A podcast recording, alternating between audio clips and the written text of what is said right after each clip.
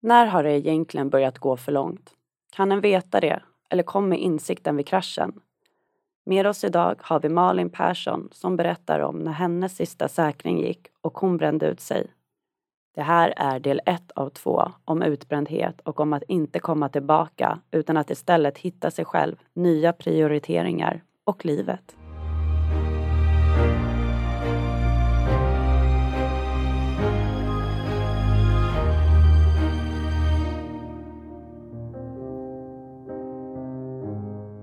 Hej och välkommen till dagens avsnitt med mig Jonna Ekdahl, kommunikatör på Skyddsvärnet.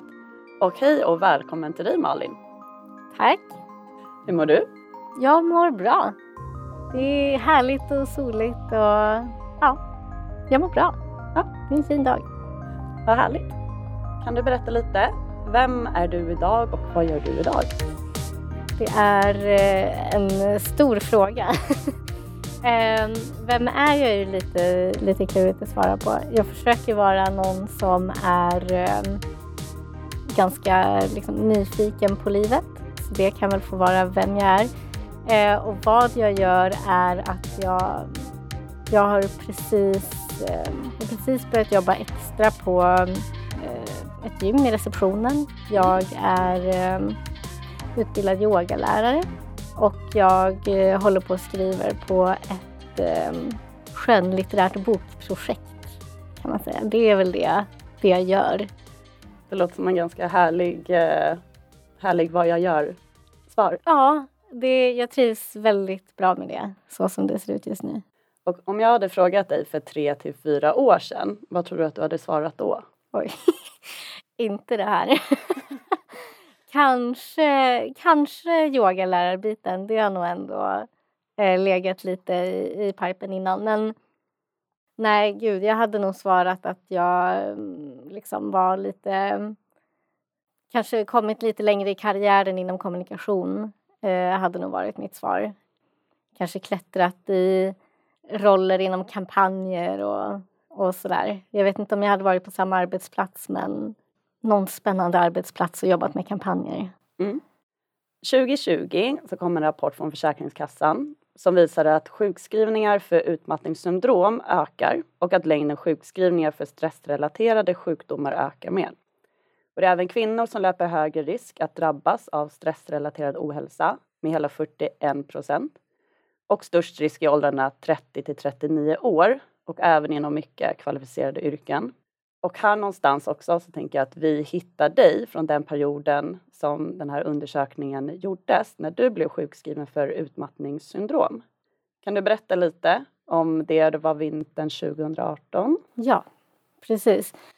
Um, och det stämmer ju väldigt bra in. Jag hade ju precis fyllt 30 så att jag är ju precis i det åldersspannet. Och det här var den 18 december så det var precis innan uh, jul. Eh, jag eh, vaknade upp en morgon och hade liksom inte hade ingen, kände ingen förmåga att kunna ta mig ut från lägenheten. Och jag hade känt så tidigare att jag liksom var väldigt trött och sådär men det här var något helt nytt. Det var, kroppen var liksom inte alls... Jag kunde inte föreställa mig själv att liksom lämna lägenheten och gå. Jag eh, försökte ta en dusch och komma igång men mådde jätteilla och fick lägga mig ner och ringde och sjukanmälde mig istället och skyllde på maginfluensa mm. eh, och tänkte att det här går nog över bara jag får eh, vila lite. Och eh, senare den eftermiddagen sen så började panikångestattackerna komma och de höll på i typ en timme åt gången. Så jag hade liksom första på eftermiddagen. Jag var helt övertygad om att jag skulle dö. Det var verkligen sådär, liksom hjärtat rusade, det var svårt att andas, kände mig jättekall. Eh, försökte sätta mig i duschen och se om jag kunde få värme. Det var en väldigt liksom, jobbig upplevelse och jag kände bara, gud, någonting, någonting händer med min kropp som jag inte förstår. Så jag hörde av mig till, till Sebastian och till min mamma. Eh, och min eh, mamma kom dit och satt där med mig och då kom också nästa panikångestattack när hon var där. Och sen så kom Sebastian hem och så bytte de liksom av varandra. Ehm, och så fick jag en till när jag skulle sova sen på natten. Så det blev liksom en väldigt så intensiv eh, upplevelse av att kroppen bara eh, hamnade i totalt kaos. Jag, hade svår, jag kände mig helt urlakad efter. Alltså man, jag var alldeles liksom svettig och kraftlös och eh, lite borta. Det blir nästan som en, en blackout eh, när ångestattacken är klar. Så vaknade jag på morgonen sen och kände att det här, det här betyder ju någonting. Um, och fick hjälp av uh, Sebastian igen då att ta mig till vårdcentralen. Jag kunde inte gå ordentligt själv och uh, blev sjukskriven för akut stressreaktion då. Uh, och sen en månad efter den sjukskrivningen så blev det utmattningssyndrom som blev liksom diagnosen. Så det var det som sparkade igång allt eh, för mig. Det var då det, det som jag kallar för min krasch. Det var mm. då. Den här eh, inne i väggen eh, Ja, kraschen. exakt. Och den kan se så himla olika ut för alla utifrån vad jag har förstått liksom i forum och sådär. Att för vissa så kan det vara att man bara liksom tappar bort sig och vet inte vart man är någonstans. Och andra har på samma sätt som jag att det blir den, den mer fysiska eh, delen. Och för vissa kan det vara att de liksom inte har en, en tydlig krasch eller liksom en tydlig sån punkt utan att det, man tror att man har tagit det innan det har blivit riktigt dåligt men när man börjar ta tag i det så kommer vågen av det värsta. Så det kan se jätteolika ut. Så det kan vara rätt svårt att upptäcka när jag borde eh, kanske ha saktat ner, jag borde ha sökt hjälp tidigare. Ja. Att den inte riktigt går kanske att se eller hitta för man faktiskt når botten. Ja, och det tror jag också beror lite grann på så här, vad det är som är anledningen till utmattning. För jag, mycket av det som har varit anledningen till min utmattning kan jag ju se i efterhand. Men det blir lite grann som vem som helst som liksom har ett beroende eller någon annan typ av sjukdom. Att man är ganska omedveten om, om den stora problematiken. Så att även om jag kände mig väldigt trött. Jag hade till och med eh, meddelat min chef två veckor innan att jag kände mig lite i riskzon för, för att kunna bli, bli utbränd. Men liksom trodde ändå inte riktigt att det skulle hända och förstod ändå inte varför. Och jag hade inte... Alltså jobbet hade egentligen börjat lugna ner sig. Så här, vi gick mot jul och projekten avslutades liksom. Och jag skulle byta tjänst. Jag var ju superkär och hade liksom min nya relation. Så, så här, det var väldigt svårt att se att det skulle bli så allvarligt som det blev.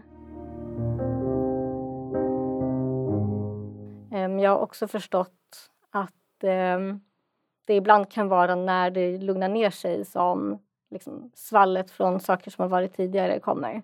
Så det är tydligen inte heller helt ovanligt att det är då, då det smäller.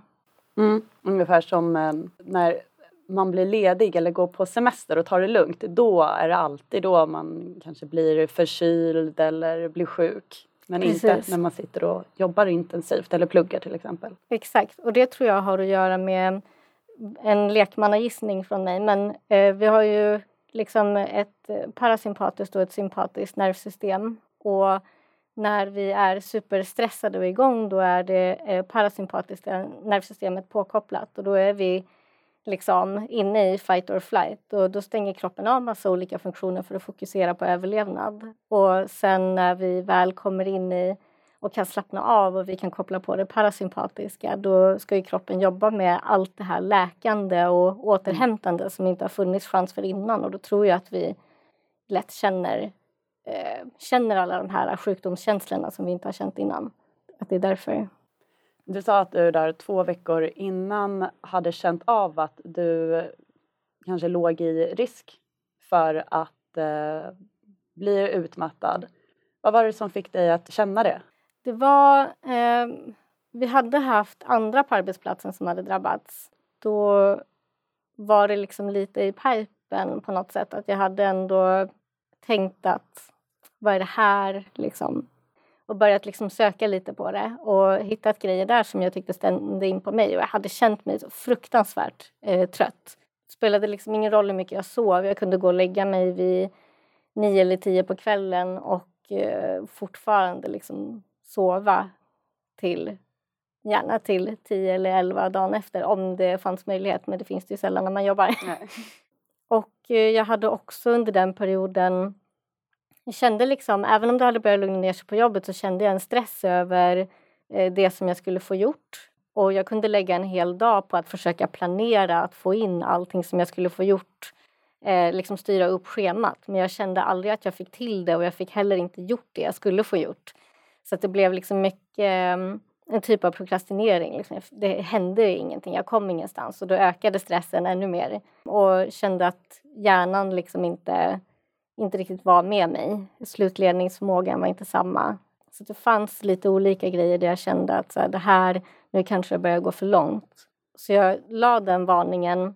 Den kom ju också utifrån om man tänker ett arbetsplatsperspektiv så kom ju den varningen väldigt sent. Mm. Eh, så jag har ju heller inte varit ärlig med min chef tidigare exakt hur dåligt jag har mått. Så det var ju väldigt svårt för min arbetsplats egentligen att fatta ett beslut där och då. Liksom hur, hur allvarligt är det här?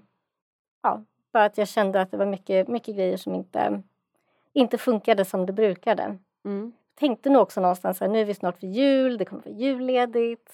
Eh, så är man hemma i två, tre veckor och så kommer tillbaka och så kommer det vara lugnt. Det tog ju lite längre tid. Ja. ja. sex, sex månader eh, innan jag kunde börja jobba 25 procent. Det du berättar om att du inte berättade för din chef egentligen hur du mådde.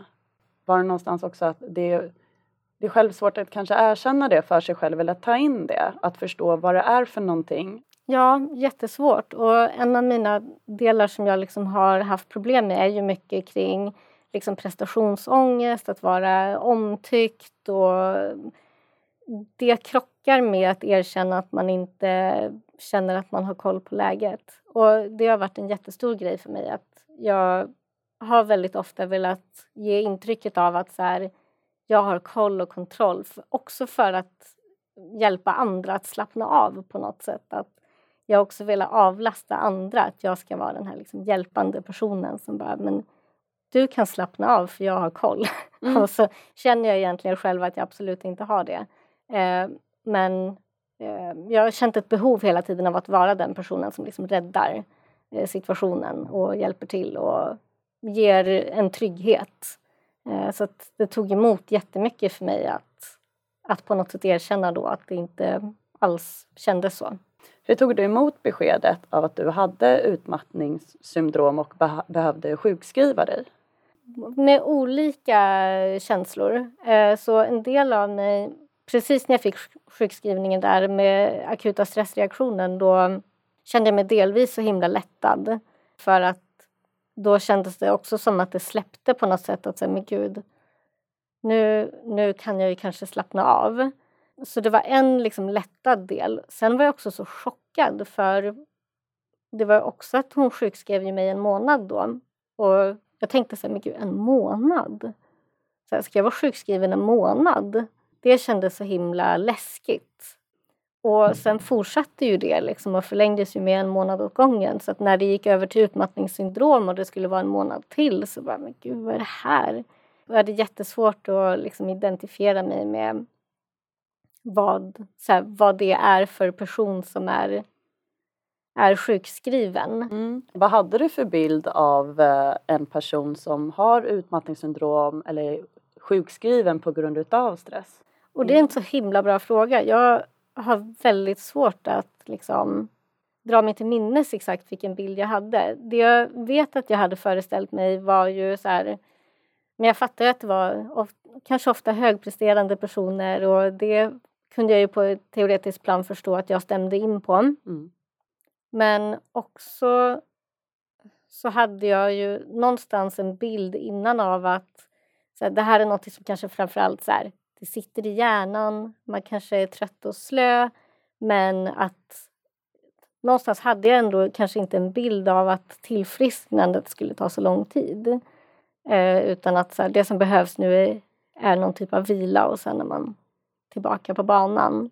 Men jag fick ju verkligen lära mig den hårda vägen att det är i allra högsta grad en, en fysisk påverkan också. Mm. Och det här med att hjärnan är lite trött och slö är ju understatement of the year. Mm. Jag kunde ju inte, mm, till en början där när det, kraschen var, liksom, jag kunde inte läsa Eh, jag kunde inte titta på serier eller på tv, orkade inte lyssna på poddar, kunde inte lyssna på musik. Allt som innebar olika intryck var för mycket. Så till en början så sov jag ju egentligen bara. Det var ju det jag orkade göra. Om jag lyssnade på musik, jag minns himla tydligt, jag hade en stund där jag kände mig lite glad. Lyssnade på musik, då tog det en kvart. Så var jag helt slut. Då Oj. sov jag i två timmar efter Oj. det. Så att, att hjärnan liksom inte um, hänger med, det gör den verkligen inte och på ett sätt som jag aldrig hade kunnat föreställa mig. Jag tror att det är väldigt svårt att föreställa sig eh, just det. Jag vet själv att jag har en bekant som berättade att han inte kunde öppna en dörr, trycka ner handtaget. Mm. Och det var så svårt att själv föreställa sig just det här att stressen sätter sig så fysiskt i kroppen att man faktiskt inte kan göra vissa saker. Nej, jag hade ju svårt att ta, liksom överallt så stod det så här, ta en promenad. Jag hade jättesvårt att ta en promenad. Det var jätteutmanande. Jag flåsade ju fram och vi bor i ett område med jättemycket pensionärer, de har rullatorer, de gick mycket fortare än vad jag gjorde. Mm. Ehm, och då tog jag kanske en enkel promenad till eh, parkeringen 200 meter bort och tillbaka. Jag fick stanna på vägen för att hämta andan. Mm. Så att så här, den fysiska påverkan som det här innebär tror jag inte så många känner till och föreställer sig är, men den är otroligt påtaglig. Kroppen är verkligen slutkörd. Utbränd är ett så himla bra ord för det känns verkligen som att så här, det är sista säkringen som har gått på något sätt. Det är de här sluttampen på batterierna i eh, liksom CD-spelaren eller bandspelaren när man var liten när rösten är helt där. Mm. Så, den, där är man. En av våra verksamheter på Skyddsvärnet är ju arbetsträning på till exempel våra second hand-butiker. Där personer som har varit utan arbete en längre tid av olika anledningar får möjlighet att utvecklas och komma tillbaka in i arbetslivet. Och då behöver ju inte det heller vara någonting som du har gjort tidigare eller vara i samma bransch heller. Och då tänker jag på en sak som du skrev på din Instagram om att inte komma tillbaka till hur det var tidigare. Kan du berätta, vad, vad menar du med det? Det är en så bra fråga för det är en fråga som jag själv har fått mycket. Är du, känner du att du är på väg tillbaka? Är du tillbaka nu? För mig så har jag liksom resonerat så att det finns ju så mycket olika anledningar till varför man kan hamna i utmattning eller utbrändhet. Det innebär ju att så här, idén om att komma tillbaka skulle i sånt fall vara att komma tillbaka till så som det var innan man blev utmattad. Och då är ju fortfarande alla de mekanismerna kvar. Så att komma tillbaka kändes liksom aldrig riktigt som rätt alternativ då. Och det kan ju vara olika grejer som behöver förändras. Det kan vara yttre omständigheter som jobb eller relationer eller bostad eller vad det nu än kan vara. Och det kan vara mycket inre, inre delar och ofta både och. Så för mig har jag fått liksom jobba mig fram till att det var väldigt mycket inre saker som jag behövde jobba med. Men jag behövde också göra en del yttre förändringar, att eh, byta arbetsplats, och sen tycker jag också att det är intressant när man pratar om att komma tillbaka att vi så väldigt ofta har en bild i samhället av att en person som är frisk är en person som jobbar 100% Och det vet jag inte om jag håller med om. En person som jobbar 100% kan i allra högsta grad vara väldigt sjuk. Jag var ju själv en hundraprocentigt arbetsför person eh, som, som kraschade. Så att sysselsättningsgraden och, och, att jobba behöver inte alltid definiera en, en frisk person. Så där tror jag att vi som samhälle också har någonting att fundera på. Så jag tror inte att man ska vara så hård mot sig själv i en arbetsträning eller vad det nu än är. Att, att målet alltid måste vara 100% jobb utan det kan vara någonting helt annat. Och vad det kan vara, det får vi reda på nästa vecka. För då kommer nämligen del två.